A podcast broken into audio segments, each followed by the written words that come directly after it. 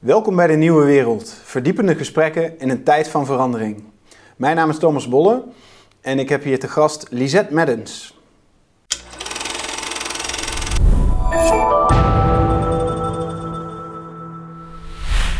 Lisette, welkom. Jij bent uh, uh, oprichter van Fossielvrij Nederland, een klimaatactivist. Ja. Wat, wat, wat doe je bij Fossielvrij en wat is de historie?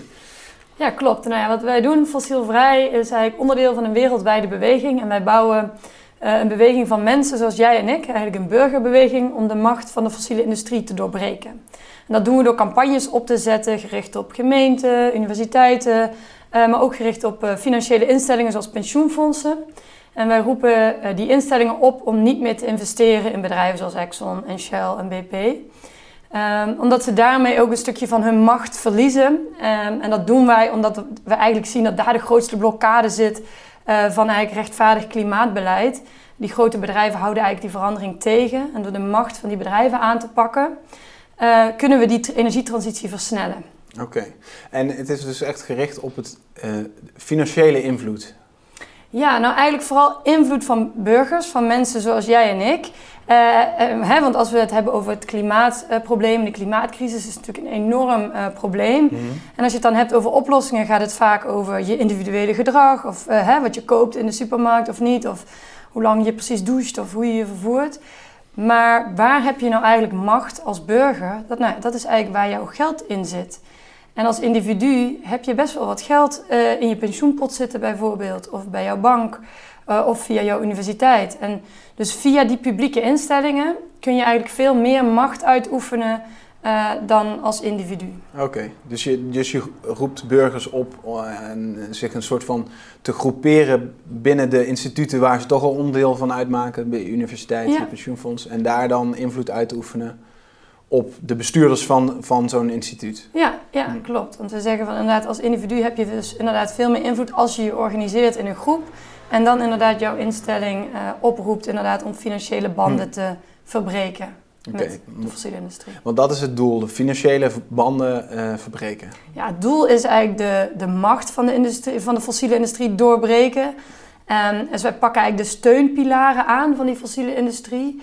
Uh, en een van die belangrijke steunpilaren is hun sociale legitimiteit noemen we dat. Eigenlijk ook hun draagvlak, hun publieke imago. Hè? Hoe kijken wij aan tegen een bedrijf als Shell? Um, en dat, ja, dat weten zij heel goed in te kleden met alle reclames die zij maken. Hè? Sommige mensen, als je vraagt uh, waar denk je aan als je Shell zegt, dan denken ze soms aan een, aan een windmolen. Nou ja, omdat ze dat zo goed hebben weten te vermarkten, mm. uh, dat het lijkt uh, alsof ze een groen bedrijf zijn, maar dat zijn ze natuurlijk helemaal niet. Uh, dus dat imago van die bedrijven, dat proberen we eigenlijk recht te zetten. Door te zeggen van nee, Shell is een fossiel bedrijf. Mm. 97% gaat nog steeds naar de fossiele industrie en het zoeken naar nieuwe reserves. Dus ja, publieke instellingen zoals universiteiten, die moeten helemaal geen podium geven aan zo'n bedrijf. Die moeten daar niet mee samenwerken en die moeten dat al helemaal niet mm. uh, financieren. En als je, als je dan bekijkt, ja, we hebben toch allemaal brandstof nodig. Uh, Shell levert gewoon wat wij nodig hebben. Wat, wat, wat is daarom jouw antwoord aan? Uh, ja, dat wordt heel vaak gedaan en ik vind dat heel flauw, want het wordt heel vaak teruggekaatst inderdaad naar de consument. En dat is wat Shell zelf ook zegt: van ja, ja u wil warm douchen en u wil met de auto rijden, dus wij leveren is, energie. Het is natuurlijk wel zo. Het is zo, maar uh, wij willen niet uh, per se zeg maar fossiel gas gebruiken om warm te douchen. Wij willen niet per se benzine in onze auto gooien. Nee, wij willen van A naar B en wij willen inderdaad warm douchen. Maar als dat op zonnepanelen kan en met elektrische auto's hè, opgeladen op een mooi zonnepaneel, vinden wij dat prima.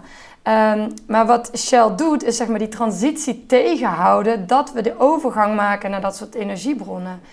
Um, en dat is eigenlijk heel gemeen, want je kan de overgang van zo'n grote systeemverandering kan je niet, uh, de verantwoordelijkheid daarvan kan je niet bij een individu leggen. En dat is juist hm.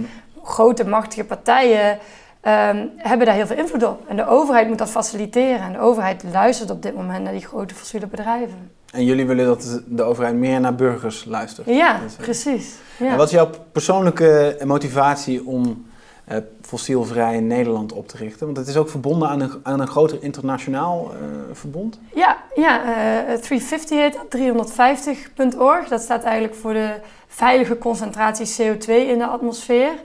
Ehm, nou, die zijn we inmiddels al ver voorbij, dat weet je misschien, dat we al uh, dik over de 4, 410 zitten.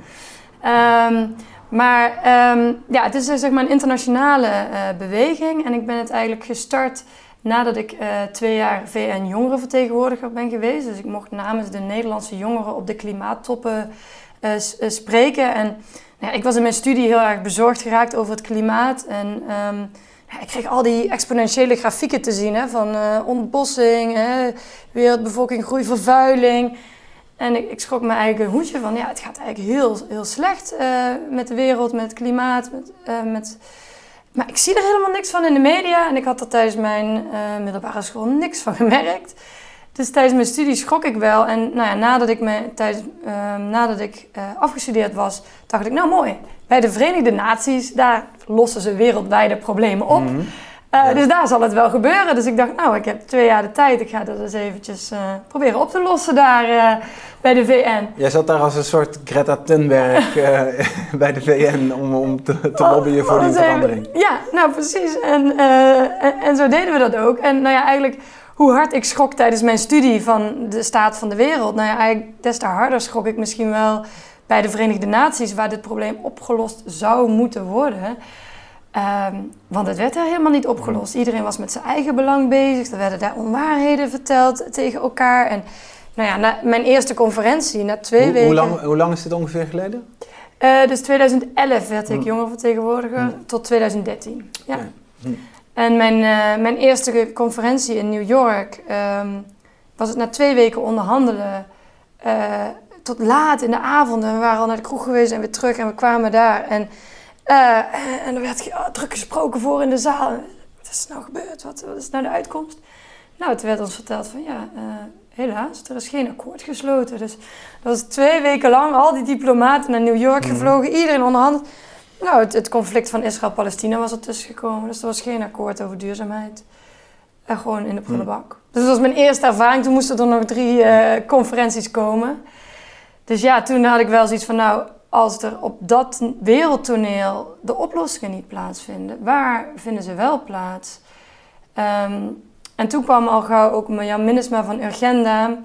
Uh, ja, erachter dat er in Amerika een, enorme beweging gaande was, de divestment-beweging. Dus die opriep om inderdaad die investeringen terug te trekken uit die fossiele bedrijven. Ja. Ze zeiden, nou laten we dat naar Nederland halen. En nou omdat ik gezien, ja, gezien had van de oplossing zit niet daar op het hoogste niveau, we moeten het toch echt van onderaf gaan doen, uh, was dat ook wel mijn persoonlijke motivatie. Uh, Om dat samen uh, met studenten, met burgers, met ja, ambtenaren, leraren, mensen hier in Nederland die verandering af te gaan dwingen. Hm.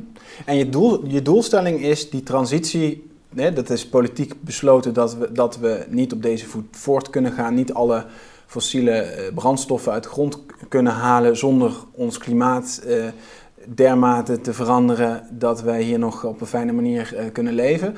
Uh, jij wilt die transitie versnellen en daarvoor zeg je eigenlijk burgers kun je niet als individu ja, die, die kunnen dat niet voor elkaar krijgen. We moeten die bedrijven uh, daartoe aanzetten. Dat gebeurt te weinig, want de politiek doet, dus de VN zelfs, doet, doet te weinig. De burger moet dat gaan afdwingen. Ja. En dat doen ze dan uiteindelijk met de portemonnee. Ja. Maar dus op een bepaalde manier dat je zegt divestment uit die bedrijven. Ja, uh, en wat staat de gedachte achter? Wat, wat betekent dat desinvesteren uit fossiele bedrijven? Nou, eigenlijk waar het op gebaseerd is, is dat uh, er is een onderzoek gedaan, uh, dat was in 2012 door Carbon Tracker, een, een Engels onderzoeksinstituut. Uh, en die hebben gekeken, en toen was het nog niet eens dus, uh, het, het Parijsakkoord er, maar toen hebben ze gekeken van oké, we willen onder die 2 graden blijven, dat hadden we toen mhm. wel besloten. Toen hebben ze eigenlijk berekend van hoeveel CO2 kunnen we eigenlijk nog uitstoten om binnen die 2 graden te blijven. En toen hebben ze ook gekeken, al die fossiele uh, multinationals, uh, Shell, BP, Exxon, hoeveel zijn die eigenlijk nog van plan om boven de grond te halen? Dus uh, fossiele brandstoffen die nu nog onder de grond zitten, um, hoeveel van die brandstoffen willen zij boven de grond halen en hoeveel CO2-uitstoot levert dat op? En toen kwamen ze eigenlijk best met een shocking getal, dat die bedrijven eigenlijk van plan waren om vijf keer zoveel uit de grond te halen dan, dan ook maar mogelijk is om binnen die twee graden te blijven. Hmm. Um, en dat op zich is al best wel bizar dat die bedrijven dat van plan waren. Want dat is gewoon een onleefbare planeet eh, wat ze eigenlijk van plan zijn om, om te gaan creëren. Maar daarbovenop komt nog dat die bedrijven dus enorm machtig zijn en onze overheden belobbyen. Ehm, waardoor, waardoor het eigenlijk heel angstig is. Want wat die bedrijven willen en doen, zij, hebben, zij hebben grote macht. Dus dat, hmm. eh, dat is heel beangstigend. Als, als we, dan is het bijna zeker dat we een planeet krijgen die onleefbaar wordt. Uh, dus wat we gezegd hebben is eigenlijk, of wat, wat er toen gezegd werd, is... Um, die bedrijven zouden geen legitimiteit meer moeten hebben. Dus die zouden ook geen legitimiteit meer moeten verlenen. Als ze van plan zijn om een aarde te creëren die onleefbaar is. Ja, en ze zullen dat niet zo. Ze zeggen natuurlijk niet. Zij willen niet die aarde creëren. Maar willen wel uh, die brandstof boven de grond halen en verkopen. Omdat we, uh, ze, zij zeggen, dat hebben we nodig om onze, onze manier van leven te kunnen voortzetten. Ja, ja, zij zeggen, u vraagt, wij draaien en wij kijken verder niet naar de consequenties. En we zetten wel lange termijn doelen. Hè. We zeggen, we onderschrijven het Parijsakkoord. Hè. Ja.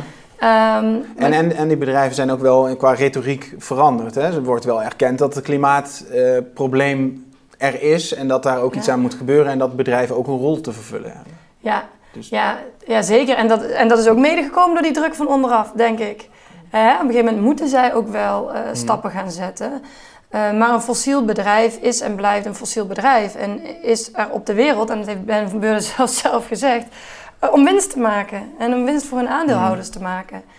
Uh, en dan kan je dus ook niet van een fossiel bedrijf verwachten dat zij van koers uh, doen wijzigen. En dat is ook wat hè, die hele discussie van praat je nou met zo'n bedrijf of stap je eruit?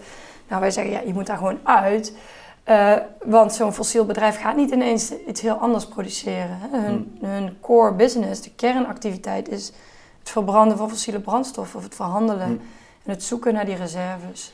En jullie doel is dan om investeerders eigenlijk aan jullie zijde te winnen en te zeggen: hey, dit bedrijf is, is een fossiel bedrijf. Ze kunnen een, mooi verhaal uh, vertellen dat ze willen verduurzamen, maar in, in de kern is wat ze doen nog steeds gewoon die olie uh, oppompen. Uh, dat is een bedrijf waar je uit moet stappen.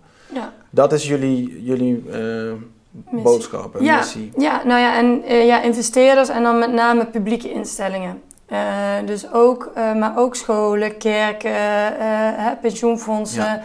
Ja. dus ook publieke instellingen en ook um, kunnen daar ook financieel afstand van nemen. Maar ook musea, bijvoorbeeld het Van Gogh Museum, die kreeg geld van Shell. En we ja. zeggen eigenlijk, hè, gebruikt Shell, en die geeft dan een relatief laag bedrag aan zo'n museum, als het Van Gogh Museum, gebeurt nu dus gelukkig niet meer.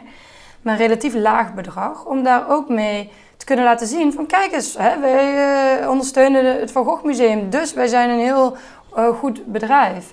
Uh, en ja, door als Van Gogh dat te accepteren, geef je gewoon legitimiteit aan zo'n bedrijf. Mm. En daarmee, daar moet je je niet voor laten lenen als culturele ja. instelling. En dat is ook een van jullie acties geweest, om het Van Gogh Museum eigenlijk te, te laten zeggen, oké, okay, Shell, hou je geld, wij hoeven het niet, niet ja. meer. Ja, dat is het kunstcollectief uh, Fossil Free Culture. Dat is inderdaad ook onderdeel van, onze, van, van de fossielvrijbeweging. Ja. En dat zijn kunstenaars en die hebben dus disobedient art gedaan. Dus die zijn uh, een on, onaangekondigde ja, art, performance, kunst optreden in het Van Gogh Museum, waarvoor mm. ze ook opgepakt werden. Okay. Dat was heel heftig wat er gebeurde.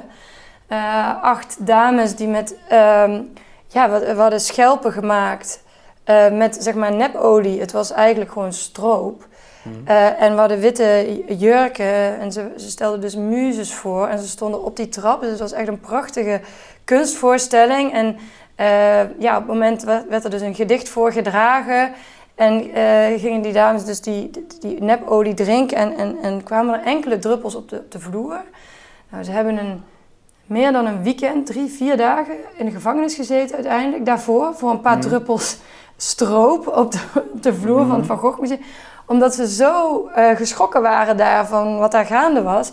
Maar het maakte zo visueel duidelijk waarom het zo problematisch is voor een museum ja, om zulke financiële banden te hebben met zo'n mm. grote fossiele multinational. Dus het had wel ook effect? Het heeft, dus... ja, want een jaar later hebben ze die banden of die contracten okay. opgezegd. Ja. ja. ja. En, en hoe, hoe is dan... Um, is dit ook nodig? Eh, moeten er mensen dan opstaan die, die riskeren dat ze worden opgepakt om die verandering teweeg te brengen? Nou, ik vrees het wel. Um, uh, ja, toen ik hieraan begon, toen dacht ik van, uh, nou, toch geen actie voeren. uh, ik kwam net uit die VN-wereld en ik dacht, we gaan dit wel pratende oplossen. maar gedurende mijn tijd bij Fossielvrij heb ik wel gezien, de belangen zijn zo groot en de tijd die we hebben om dit probleem op te lossen is zo klein. dus dat gaat niet zonder conflict, dat gaat niet zonder frictie. Um, en degene dus die hier belang bij hebben dat alles zo lang mogelijk blijft bij wat het is, dat zijn de mensen in, in de machtsposities. Hm. Dus de CEO's eh, bij grote oliebedrijven, maar ook ja, mensen in machtsposities ook bij de overheid. En uh, degene die de dupe zijn, dat is echt de massa. Dat is, dat is, hm. en, en, dat zijn de mensen die ook op moeten staan, inderdaad, om verandering af te dwingen.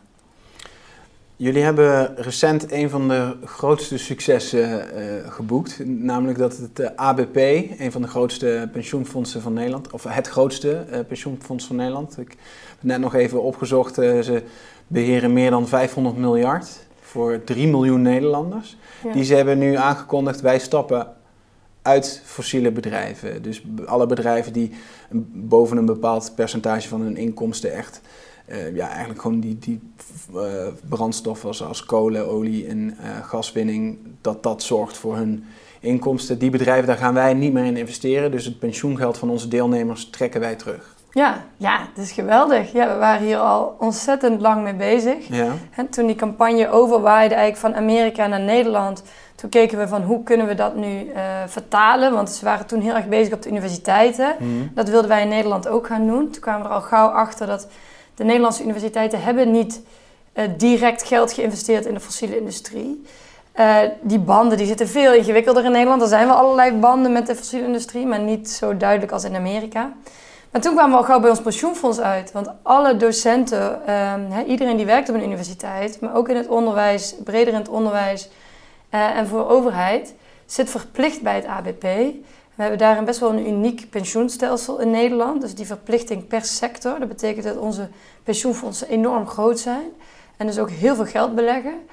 En daar zat dus ook een flinke deel in fossiel, inderdaad. Hmm. En um, ja, het is een enorme overwinning dat dat nu gelukt is om dat pensioenfonds dus onder druk te zetten. Want ja, kijk, wat ik zeg, we hebben dus heel weinig tijd om een hele grote omslag te maken. En dit soort stappen zijn dan nodig. Hè? Echt miljarden die verlegd worden van de oude energievoorziening naar de nieuwe energievoorziening. Hm. Ja, want ABP eh, trekt nu ongeveer 15 miljard terug uit, uit dit type bedrijven. Ja. Ehm, hoe, dat, dat is niet uh, van de ene op de andere dag gebeurd. Want jullie hebben al heel lang geprobeerd om ABP hier toe te bewegen. Ja. Hoe, hoe is dat? Kan je daar iets over beschrijven van hoe dat proces is gegaan uh, hieraan voorafgaand? Hoeveel jaren werk zit, zit hierin? Ja, we zijn echt zeven jaar uh, bezig geweest. Dus um, in september 2014 uh, startten wij de campagne. Of toen lanceerden we hem eigenlijk met een brief. Um, namens 17 organisaties, van Oxfam tot Greenpeace, Milieudefensie, gezamenlijk schreven wij een brief aan, uh, aan het ABP en zeiden van nou kijk, die, ook die financiële risico's beschreven wij toen in onze brief. En die carbon bubble waar ik het net over had. Dus hè, die, die uh, ja, stranded assets noemen ze dat wel. Dus al die fossiele reserves die dus in de grond moeten blijven, willen we die leefbare aarde houden. Dus, hè, dat betekent als, als die fossiele bedrijven die, uh, die gas- en olievoorraden niet meer kunnen aanboren uh, dat ze dat moeten afschrijven op hun, op hun rekening. Dus hmm. dat betekent ook gewoon heel, een financieel risico. Uh, maar ook moreel. Hè? Dus dat die bedrijven van plan zijn om zulke gevaarlijke klimaatverandering te veroorzaken. Uh, ja, daarin kan je eigenlijk als pensioenfonds ja, dat is niet meer moreel verantwoord om daarin te blijven investeren. Dus ja, wij begonnen met een nette brief. We mochten gelijk op gesprek komen.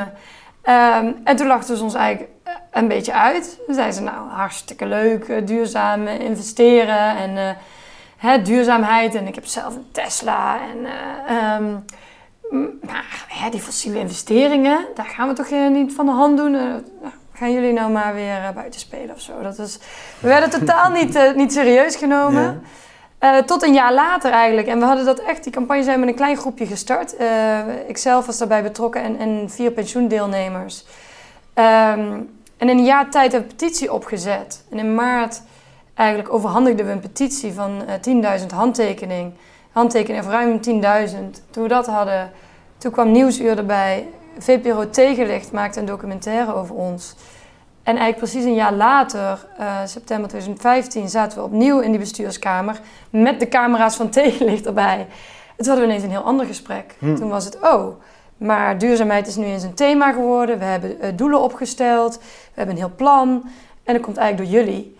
Um, ja, toen hadden ze echt targets gezet van we gaan onze CO2-voetafdruk verminderen.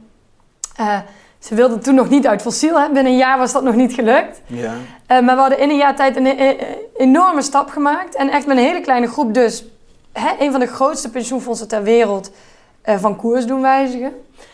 Um, en de jaren daarna was het heel moeilijk om die druk vast te houden. Toen zijn we ook gaan verbreden, hebben we naar andere pensioenfondsen gekeken. Dachten we, nou, als, als ABP het niet doet, dan misschien andere pensioenfondsen. Toen hebben we ook een pensioenlabel gemaakt.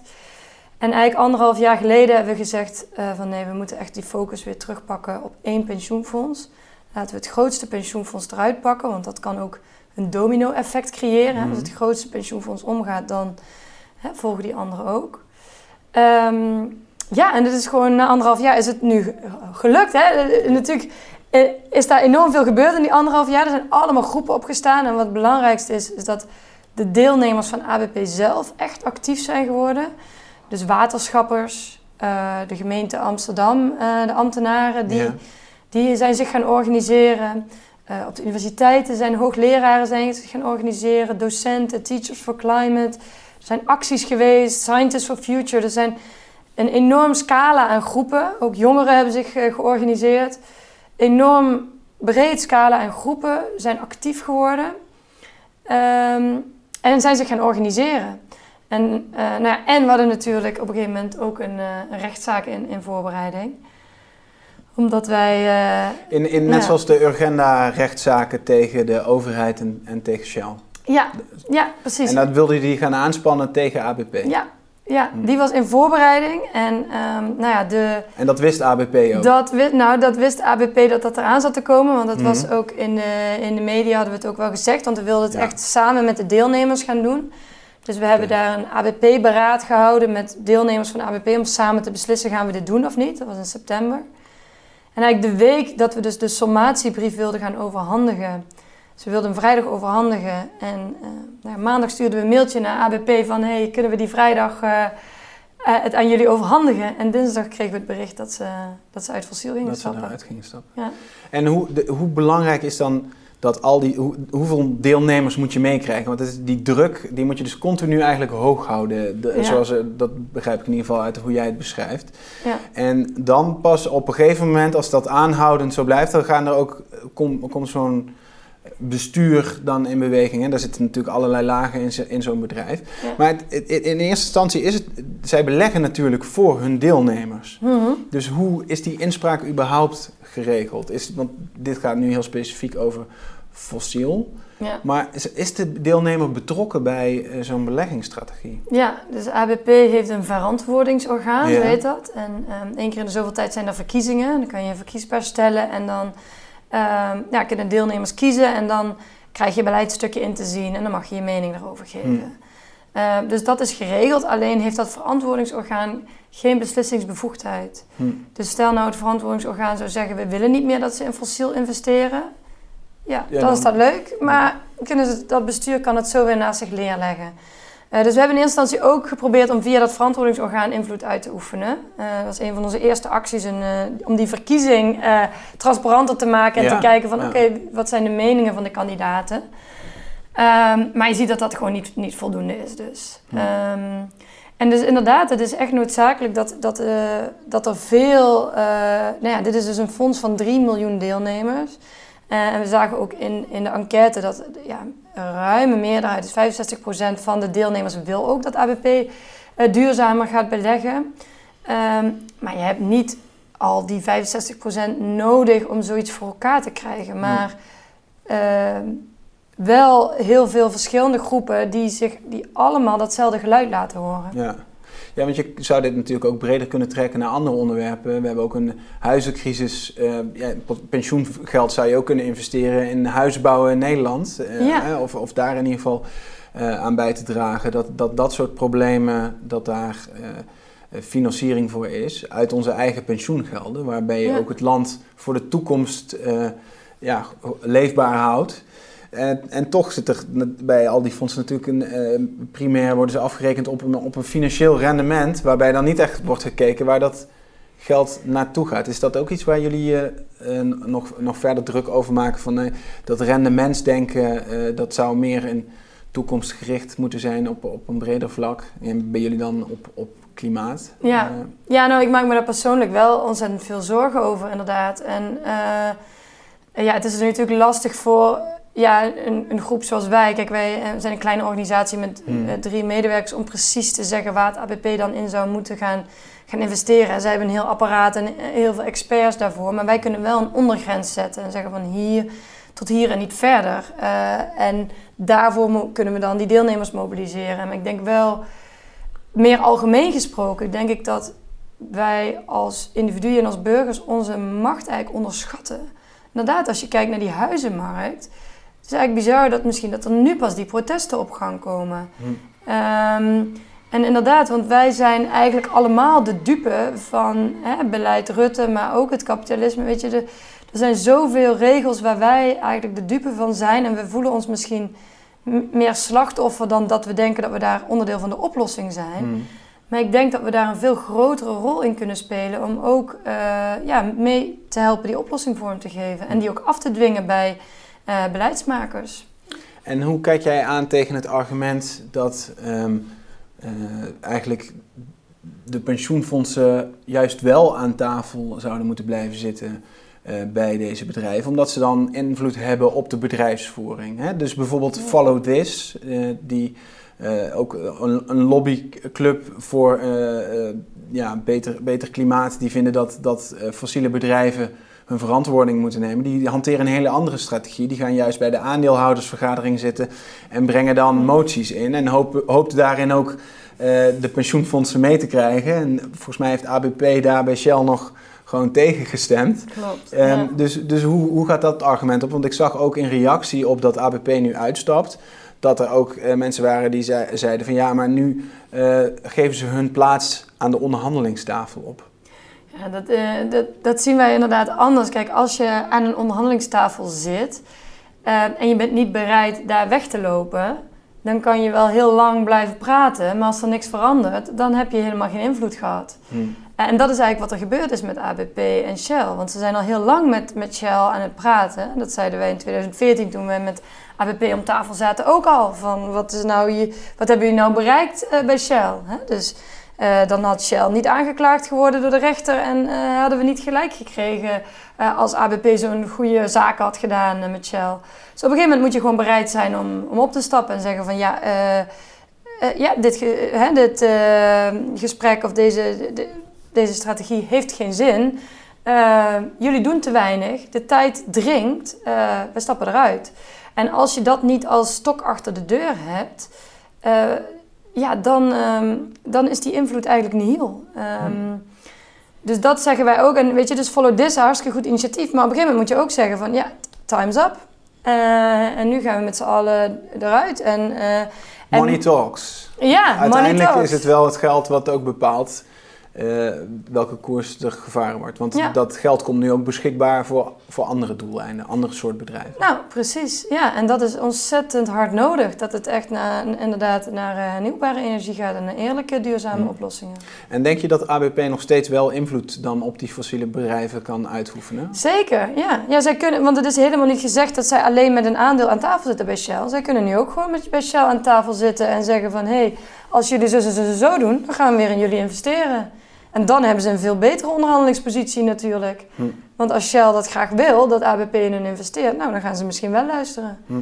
Uh, dus die onderhandelingspositie die is eigenlijk helemaal, uh, het is eigenlijk nu verbeterd van, van ABP. En welke uh, argumentatie geeft ABP nu zelf? Wat is hun belangrijkste reden dat zij eigenlijk van vrij conservatief in, in dit debat, dus niet, niet eens meestemmend met zo'n motie van Follow This, dat ze nu radicaal eruit stappen. Want toch echt wel een flinke ommezwaai is. Ja, ja, het is een flinke ommezwaai inderdaad. Dus wij waren ook nog wel redelijk verrast uh, toen wij mhm. dat uh, nieuws binnenkregen. Uh, nee, zij zeggen zelf dat zij ja, de, de rapporten van de IPCC en de IIA, dus de, hè, de klimaatwetenschap, de alarmerende rapporten, zeggen zij dat dat doorslaggevend is geweest. Uh, en de oproep van de deelnemers, dat, die hebben zij ook luid en duidelijk gehoord. Dus zij zeggen ook zelf dat die, ja, die beweging die wij neer hebben gezet, dat dat inderdaad geholpen heeft voor het besluit. En ja, wij denken zelf dat natuurlijk die, die alarmerende rapporten, die zijn er eigenlijk al jaren natuurlijk. Uh, maar die beweging was nooit zo sterk als die nu is. Mhm. En die rechtszaak die boven hun hoofd hing, dat is natuurlijk ook niet echt fijn als zo'n pensioenfonds zijnde, zo'n publieke instelling, uh, die voor de rechter gedaagd wordt omdat ze uh, ja, te weinig zouden doen aan het klimaat. Terwijl ze dat wel roepen, hè, duurzaam, we ondersteunen Parijs. Mhm. Um, en inderdaad, dus het feit dus dat de agendazaak en de Shellzaak beide op winst hebben kunnen rekenen, is denk ik wel, uh, heeft ja, mede ervoor gezorgd dat ABP dat niet graag wilde. Ja, dus ze voorkomen hiermee dat, ze, dat ze op het matje worden geroepen, door, de, ja, door de, door de rechter.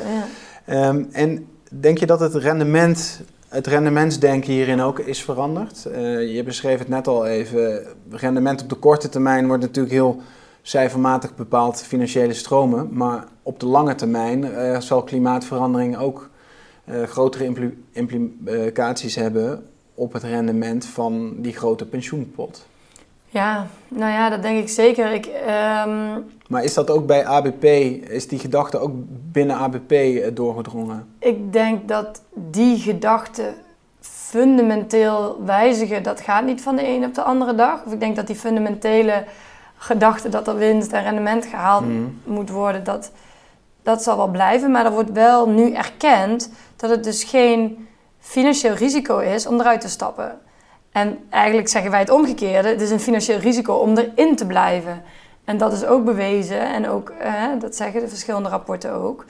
Ehm, maar zij zeggen nu van oké, het is in ieder geval geen financieel risico dat we eruit stappen.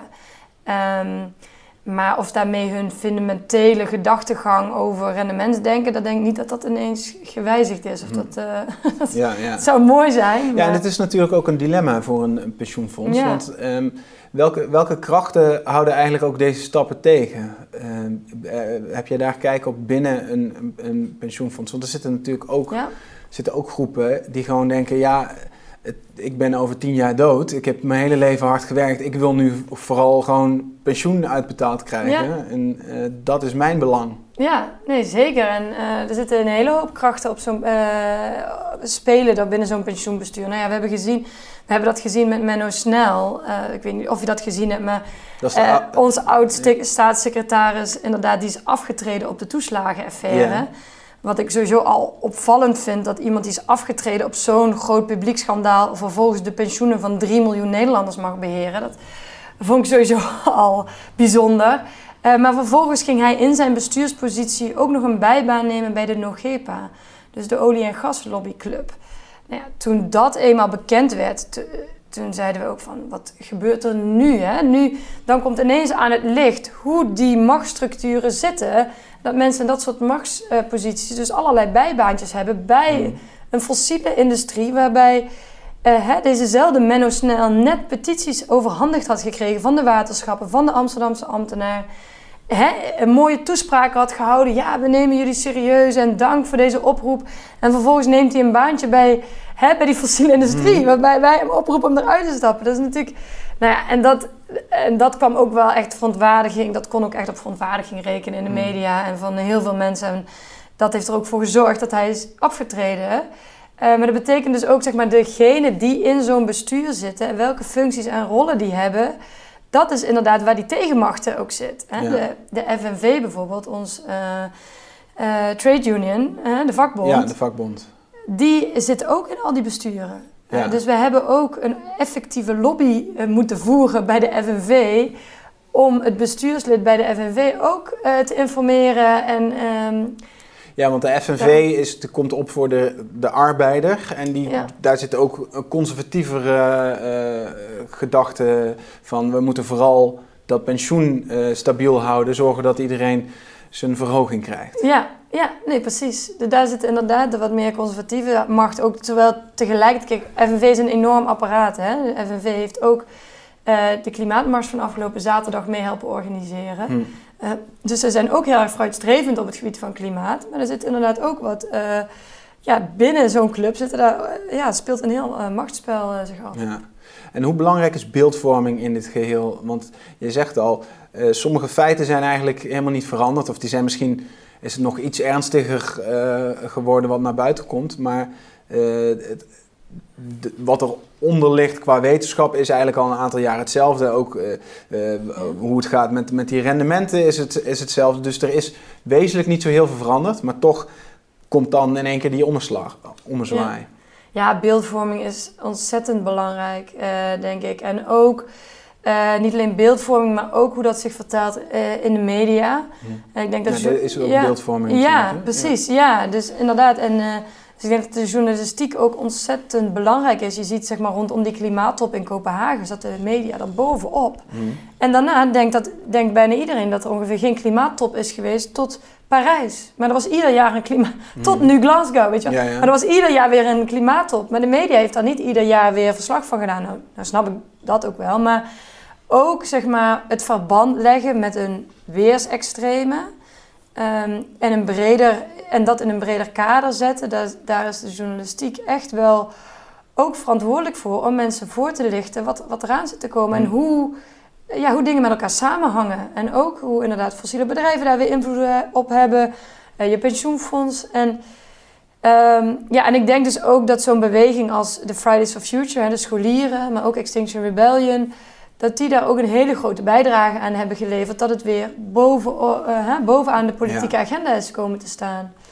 En hoe zorg je ervoor dat, het, dat je uh, altijd inhoudelijk integer blijft? Want ik, ik kan me ook de verleiding uh, voorstellen om, om mee te liften op bijvoorbeeld een bepaald sentiment.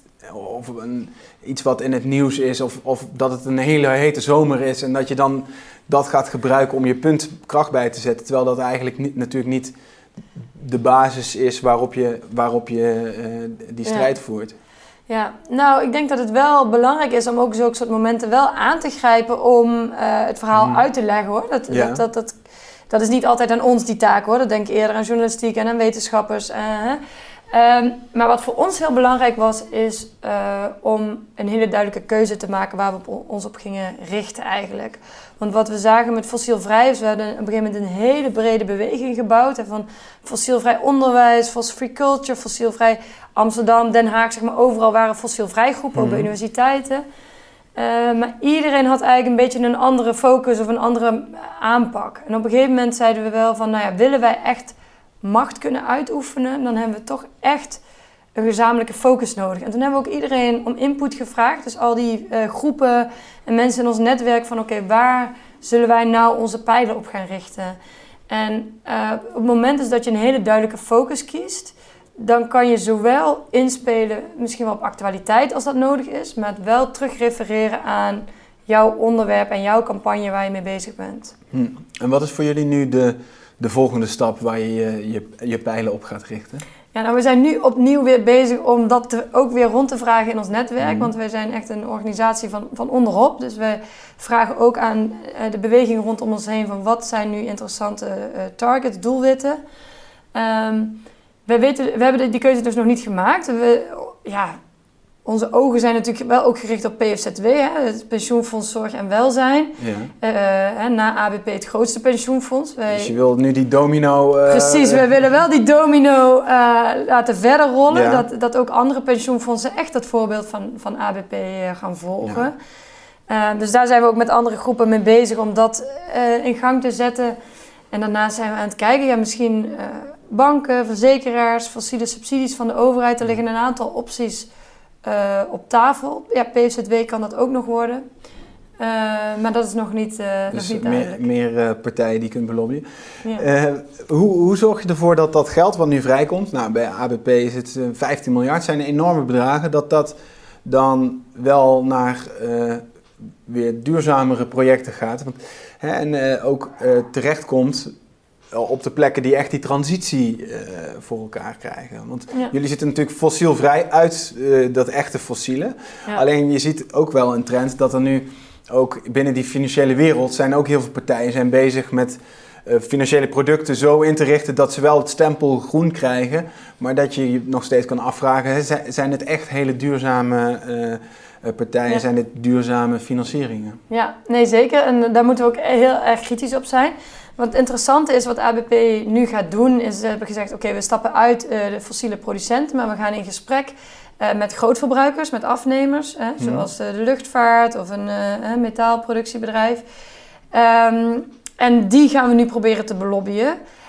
Plus, zeg maar, ze gaan herinvesteren in inderdaad wel in hernieuwbare energie. En nou ja, voor ons zal het wel een taak zijn om dat kritisch te blijven volgen. En te kijken van, oké, wat doen ze dan daadwerkelijk? Het is natuurlijk lastig met zo'n kleine organisatie om dat heel goed tot in detail te volgen. Maar wat wij wel willen doen, is natuurlijk die deelnemers, die allemaal actief zijn geweest in hmm. onze campagne, daarop attenderen dat, ze, dat we het eigenlijk met z'n allen moeten doen.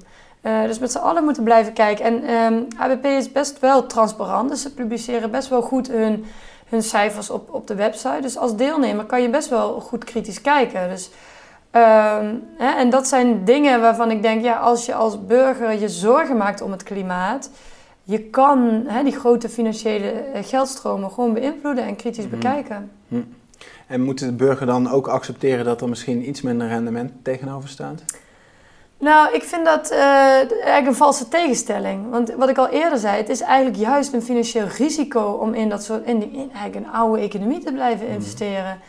Um, dus ik denk dat dat, dat dat helemaal niet zo hoeft te zijn. En ik denk eerder dat. Op, lange termijn is dat natuurlijk het geval. Maar op korte termijn, nu die transitie nog gemaakt moet worden. En die, de, de, zolang de wereld hier nog hè, op fossiel draait, zijn er partijen die als eerste die stap maken die zullen op korte termijn uh, wellicht toch wat... Uh, Moeten inleveren. Nou, dat denk ik niet. Dus dat is ook wat ABP zelf ook heeft aangegeven. Van, Ze hoeven daar niks op in te leveren. Uh, en nee, dus dat... en hoe, hoe komt dat dan? Gaan die, die alternatieven nu dan ook... ja, die zitten enorm in de lift natuurlijk. Hm. dat gaat enorm goed met al die alternatieven. dat, dat, dat zie je ook. en dat moet ook enorm opgeschaald worden. En dat zie je ook straks als zeg maar die overheden, die houden nu nog heel erg de hand boven het hoofd van die fossiele bedrijven en fossiele investeringen. Je ziet wat er nu in Glasgow is besloten, dat de overheid ophoudt met um, het financieren van buitenlandse fossiele projecten. Ja, hoe sneller dat soort beslissingen genomen worden, hoe risicovoller het is en ook hoe uh, financieel slecht het is om in dat soort bedrijven nog te blijven investeren. Hm. Want de overheid gaat alleen maar meer investeren in die toekomstbestendige oplossingen. Hm. En jullie blijven gericht ook op de overheid of, of vooral op private partijen die eigenlijk die keuze moeten maken? Nou, we richten ons altijd op publieke instellingen. Dus ook pensioenfondsen is een publiek inst mm universiteiten, pensioenfondsen, gemeentes. Dat zijn echt instellingen van ons allemaal. Ehm, die dan weer invloed hebben op die bedrijven, zeg maar. Mhm. Ehm, en de overheid is daar natuurlijk het overkoepelende eh, apparaat van. Ja. Uh, dus het zal vooral publiek zijn.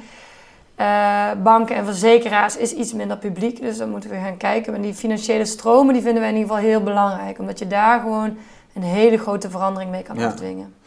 Je begon met de burger, die staat eigenlijk centraal. Wat, wat is de afsluitende boodschap die je de burger kan meegeven als ze hier zelf iets in, in willen doen? Ja, ik zou zeggen, op de eerste plaats van onderschat niet welke macht je hebt, welke invloed je kan uitoefenen als burger. Als je angstig wordt van de klimaatdoemscenario's die op je afkomen, dan is het juist belangrijk, zoek een groep om je bij aan te sluiten. Hè. Dat kan fossielvrij zijn, maar ook uh, uh, andere groepen. Hè. Er zijn talloze groepen, Fridays for Future als je scholier bent of een jongere, of hè, de Scientists for Future als je misschien een wetenschapper bent. Uh, maar zoek een groep om je bij aan te sluiten. zoek een, als groep een duidelijk doelwit. Stel heel duidelijk vast, bijvoorbeeld onze universiteit spreekt zich uit om de banden met Shell te verbreken, ik zeg maar iets. Ehm, en ga als groep daar een plan voor maken. En dat kan beginnen met gewoon een nette brief en een gesprek met je bestuurslid. Maar zodra je merkt dat dat gesprek tot niks leidt, dan moet je wel bereid zijn om een petitie te starten en overgaan tot actie. Want we willen wel resultaat zien. Dus uh, een resultaatgerichte burger hebben we nodig die zichzelf niet onderschat, maar uh, zichzelf in de kracht zet. En je kan natuurlijk een heel breed scala aan dingen doen. Hè. Wat we nodig hebben in de klimaatbeweging zijn mensen die van filmpjes monteren. Uh, tot en met uh, ja, een, een debat uh, leiden, tot en met uh, hè, achter de schermen mensen nabellen. Of het is een heel breed scala en dingen en, en er is gewoon een plek voor iedereen. Goed, dankjewel voor het gesprek. Ja, graag gedaan.